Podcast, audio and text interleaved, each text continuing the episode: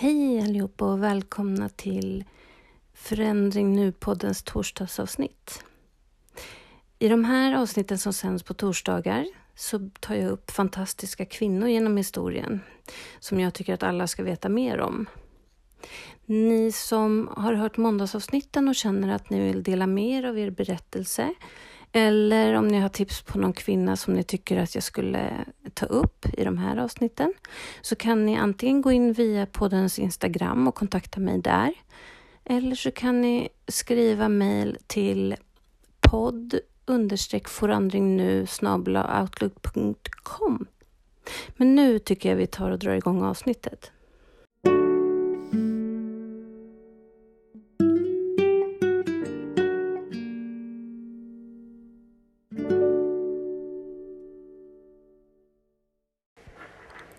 Avsnittet så kommer jag berätta om eh, Eva, Jungfru Maria och Lillit.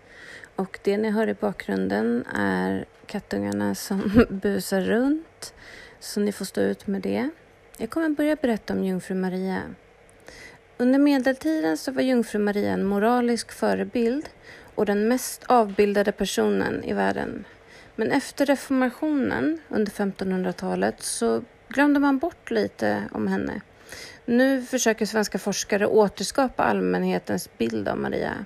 Går man in i någon av Sveriges 2000 medeltida kyrkor så kan man se spår av henne i kalkmålningar och i altarskåp och även i skulpturer. Jungfru Maria har alltid varit en spännande men också problematisk person för kristenheten och än idag så väcker hon debatt. Enligt Bibeln så födde hon Jesus Kristus men var efter det fortfarande en jungfru. Hennes bebådelse då ängeln Gabriel förkunnar att hon är utvald till att föda Guds son och händelserna därefter är också de i Bibeln som ger mest information om Maria. Hon förekommer sedan ytterligare ett par gånger, till exempel vid bröllopet i Kana och även vid korsfästelsen. Men i övrigt så är det ganska tyst om henne. Vid ett tillfälle i Mark 3, 31 till 35, Matteus 12, 46 till 50 och Lukas evangeliet 8, 19 till 21 så förnekar till och med Jesus sin moder. Det är alltså Kristi efterföljare som har gett Maria hennes unika plats i kristendomen. Redan under 400-talet framstår hon som en av kristenhetens förgrundsgestalter. Hon tilldelas titeln Theotoklos Teotok, te, Teotokos, Teotokos, gudsbärare och hyllas och äras i liturgi och kult. Ungefär tusen år senare under senmedeltiden så står Maria-kulten som högst. Jungfru Maria ses då som den främsta medlaren mellan människan och Gud. Just att hon ansågs ha fött Guds son och att det ansågs ske utan synd fick medeltidskyrkans lärda att hylla henne framför alla andra helgon. Marias generositet gentemot människorna omvittnas i mirakel, hennes liv skildras i olika berättelser och hennes dygder hyllas i predikningar och liturgi. Särskilt så betonas moderns lidande när hennes son plågas och dör och medlidandet med Kristi moder inför korset blir en väl framhållen dygd. Samtidigt utvecklas en rad olika visuella avbildningar av jungfrun, både som himladrottningen och som den lidande modern. Det är tydligt att Maria framstod som något ouppnåeligt för den medeltida kyrkobesökaren. Men hur upplevdes egentligen gudsmodern av församlingen? Det är fortfarande okänt. Bakgrunden till Mariakulten är gediget utforskad genom teologiska och historiska analyser av till exempel de många medeltida lärda som skrev om Maria. Det har skrivits spaltmeter om Mariakultens religiösa och historiska bakgrund och även om Marias roll i liturgin. Däremot så finns det en lucka i forskningen om hur Maria framställdes för den stora menigheten i senmedeltidens Sverige. Förutom alla bilder på Maria så finns även handskrifter på fornsvenska samt en mängd berättelser, böner och mirakel om Maria som bör ha nått allmogen. Genom att undersöka hur text och bild hängde ihop för de vanliga kyrkobesökarna under medeltiden så vill man ta reda på hur en sockenkyrkobesökare tog del av Mariafromheten och hur kyrkan undervisade folket genom Maria. Bland annat så visade kyrkan vilka dygder som var viktiga och vilka känsloyttringar som var accepterade. Maria blev ett moraliskt föredöme för folket genom legendernas berättelser om hennes renhet, lydnad, ödmjukhet och fromhet. Och alla bilder av henne bekräftar detta. Precis som idag så verkar, verkade bilderna och texterna också under medeltiden tillsammans för att sprida kunskap och information. Idag när vi lever i det här informationssamhället där bild och text hör samman så är det enklare, men när man ska studera medeltiden är förhållandet inte lika uppenbart. Omgivningen har förändrats påtagligt.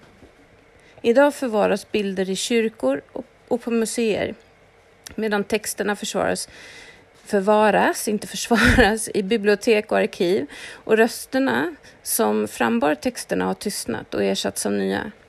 Dåtidens tydliga samverkan är något som vi måste försöka rekonstruera. På kyrkans väggar och i dess valv fanns större program och specifika motiv som skildrade episoder, episoder ur Kristi eller Marias liv. hämtade ur Bibeln eller från apokryfiska Maria-legender. Tillsammans skapades de här scenerna en fördjupad förståelse för Marias budskap. Eftersom alla inte kunde läsa bör berättelser och argument ha förmedlats muntligt till församlingen via predikan, körsång, undervisning. Mariaskulpturernas främsta symbol är Jesu barnet i Marias famn. I övrigt är det skulpturer och även vissa bilder, allegoriska framställningar där föremål, gester och blickar fungerar som retoriska verktyg. Till exempel så är Maria ofta framställd med tidlösa kläder i rött för kärlek och blått det himmelska. Maria har håret utsläppt, ett tecken på jungfrudomen och hon kan bära en krona som symboliserar att hon är himladrottningen. Vita liljor, månskäran under hennes fötter, guld och ädelstenar i hennes klädsel berättar om hennes både himmelska och jordiska status. Något som jag inte visste. Grunden för dessa attribut, attribut återfinns vanligen i bibeltexter eller i samtida religiösa betraktelser. När hon står på månskäran så är det till exempel en direkt anspelning på Johannes uppenbarelse 12.1 som under medeltiden gavs tolkningen att Maria kommer delta i striden mot djävulen vid tidens slut. Hon sågs därför även som människornas beskyddare, vilket kunde åskådliggöras visuellt i särskilda motiv, där Maria sveper sin skyddade mantel över sina tillbedjare. Vidare så berättar på apokryfiska legender och böner och betraktelser om hur helgon och änglar hedrar Maria. Det återges också i en bild där Maria ofta omges av tillbedjande änglar och helgon. Och det är ett tydligt exempel på hur medeltida materialet skapade förebilder för lekmän i fromhetslivet. En bild kunde även ge upphov till nya texter. Det finns bland annat flera böner som är avsedda att bes inför en Mariabild. Ofta innehåller de fraser som nådafull stjärna, klarare än solen, ljuvare än honungsdroppen, vitare än liljan och liknande. De här bönerna kan kopplas till bildernas innehåll. En intressant fråga är hur små socknar runt om i Sverige kunde ha råd att inreda sina kyrkor med korsvalv, kalkmålningar och skulpturer. Mariakultens föremål kunde kosta ungefär lika mycket som en medelstor gård då. Det rörde sig alltså om stora investeringar för små socknar. Medeltidskyrkan var visserligen rik, men det rådde en tydlig hierarki med åtskilda ekonomier för kyrkans olika delar. Klostren och domkyrkorna hade sina egna budgetar och huruvida biskoparna var villiga att bekosta utsmyckning, utsmyckningen i stiftens landsortskyrkor är svårt att avgöra. Det verkar vanligen ha varit socknens eget ansvar. Mycket av nybyggnaden, väggmålningar och inskaffande av skulpturer och altarskåp kom till stånd under 1400-talet i Sverige. Enligt konstvetare och medeltidsarkeologer så innebar det en period som karaktäriserades av ständiga inbördeskrig i Sverige och en långsam återhämtning av, av det som pesten ställde till med efter 1350. Perioden 1400-talet blev därmed också en ekonomisk krisperiod för de grupper i samhället som hade sin försörjning via arrendeinkomster från jord och hit hörde då kyrkan. Ändå gjordes denna stora ekonomiska satsning på sockenkyrkorna. Så tidigare forskning har visat att ombyggnaden och utsmyckningen av kyrkorna framförallt bekostades av världsligt frälse, alltså inte av kyrkan själv. Men det finns förhållandevis få gåvobrev bevarade när det gäller sockenkyrkor. Vanligen gav man i enlighet med kyrkans hierarki till mer välkända institutioner som kloster och domkapitel. Inte heller verkar socknarna i någon större utsträckning ha bedrivit omfattande jordaffärer. Inkomster från tiondet räckte framförallt till de dagliga omkostnaderna, inköp av vaxljus, vin, smärre reparationer. Det verkar som att en hel del upprustning och utsmyckning kan ha bekostats av så kallade plenaravlat. De innebar att en biskop gav 40 dagars avlat, tid att dra av från den kommande skördelsevistelsen åt dem som besökte en viss kyrka på särskilda helgdagar. Men den enskilda fromme kunde också få förmånen genom denna avlat genom olika prestationer, gåvor till kyrkan och arbete för kyrkan. När man talar om känslor i samband med jungfru Maria kan man vända sig till de så kallade sju fröjderna och de sju smärtorna. För att göra en uppräkning baserad på det heliga talet sju är ett sätt att minnas både jungfru Marias historia och hur man kan koppla hennes legend till det kristna budskapet om frälsning genom Jesu, Kristus, Jesu födelse och död. Ursäkta. Det har även legat till grund för avbildningar av Maria. Förutom i rent avbildade scener Sju rosor kan gestalta fröjderna och sju svärd smärtorna. I Lär, Lärbro kyrka på Gotland till exempel så kan man se hur jungfru Maria står vid korset på Golgata med ett svärd genom bröstet. Svärdet här är ett tecken för Simeons profetia vid Marie rening i templet om Marias förestående lidande som moder till Jesu barnet. Marias sju fröjder eller glädjeämnen är bebådelsen, Jesu födelse, de heliga tre konungarnas tillbedjan, Jesu uppståndelse, Jesu himmelsfärd, den helige Andes utgjutande och kröningen eller Marias himmelsfärd. De sju smärtorna Maria har är Simeons profetia vid frambärandet av Jesus i templet, flykten till Egypten, sökande efter den tolvåriga Jesus i templet, mötet med kvinnorna på vägen till Golgata, Maria vid Jesu kors. Jesus tas ner från korset eller Maria håller om sin döde son och Jesu gravläggning. Det här var lite om det jag hade om Maria, jungfru Maria. Jag hoppas att det var någon ny information för er så att det inte bara blir en upprepning av något ni redan visste om. Jag ska alldeles strax börja berätta lite om Eva.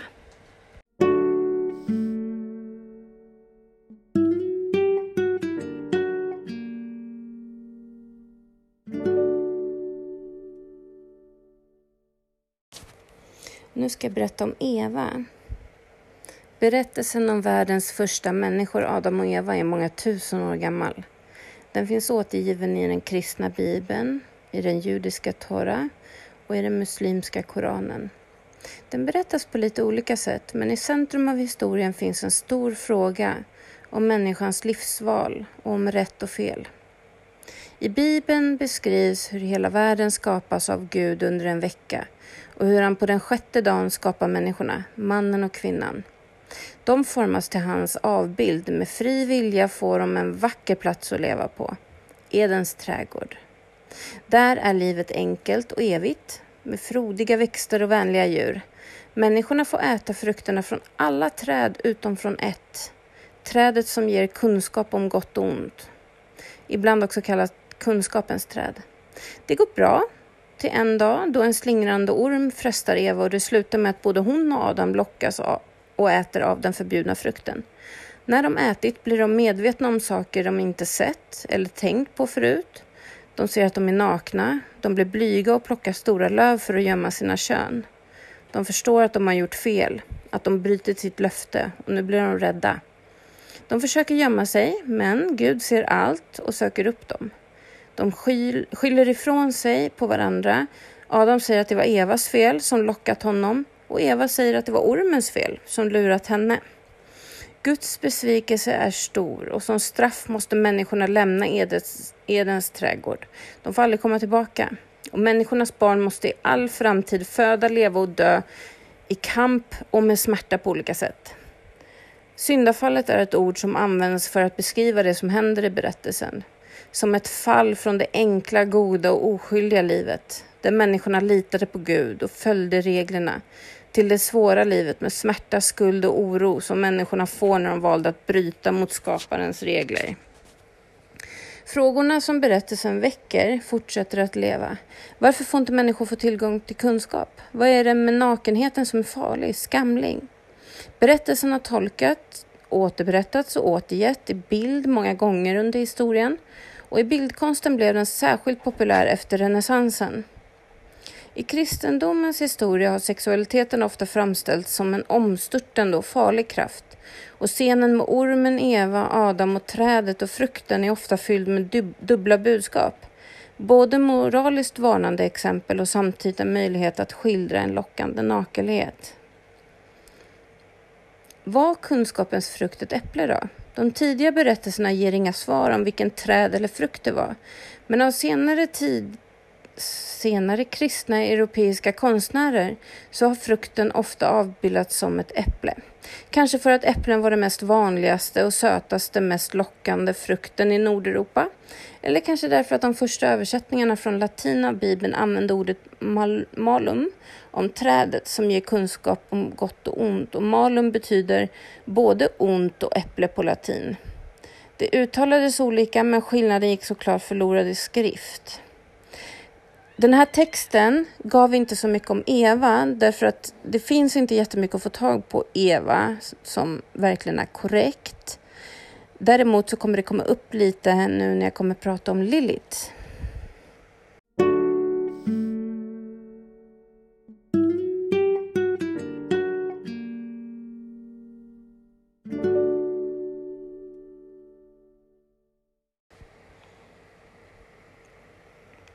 Den som läser Bibeln riktigt noga kan se att det finns lite konstig ordning på texterna i Gamla testamentet. Först skapar Gud människan till sin avbild. Till man och kvinna skapade han dem. Första Mosebok kapitel 1, vers 27. Sen sa han något om att föröka sig och allt det där. Men en bit längre fram i texten är Adam plötsligt ensam och Gud tar ett av Adams reben och skapar en maninna åt honom. Men kvinnan fanns ju redan.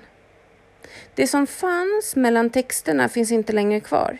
Lilith var enligt myten Adams första hustru, men hon har försvunnit ur de patriarkala historiebeskrivningarna. När Adam krävde att Lilith skulle underordna sig så vägrade hon och stack ifrån paradiset. Adam klagade till Gud som sände tre änglar efter henne, men hon vägrade att komma tillbaka till Adam. Enligt en av alla myter om Lilith så förvandlade Gud henne till en demon. I Jesaja kapitel 34, vers 14 i Bibeln så står det Schakaler bo där tillsammans med andra ökendjur. Jag gastar ropa där till varandra. Ja, där kan Lilith få ro. Där kan hon finna en vilostad. Lilith finns också nämnd i Gilgameshoposet det är den äldst bevarade text som finns och kan tydas och räknas alltså som världens äldst bevarade litterära verk.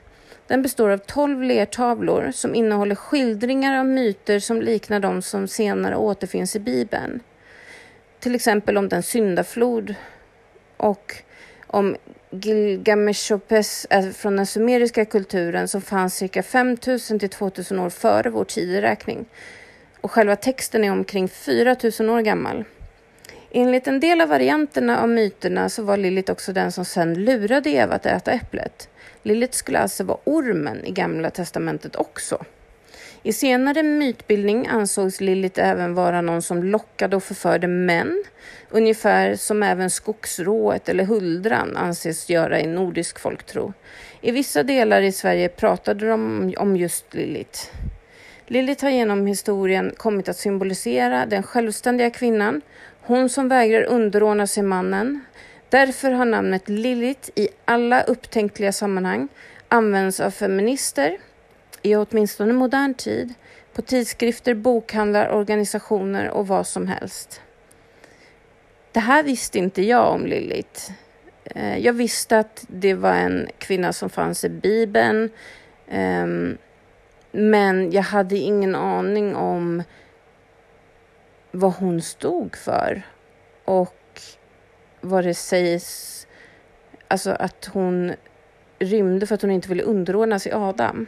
Otroligt intressant och jag, är, jag älskar att lära mig nya saker så det här var verkligen för mig eh, fascinerande att få lära sig om. Men nu är dagens avsnitt slut och vi hörs i nästa avsnitt.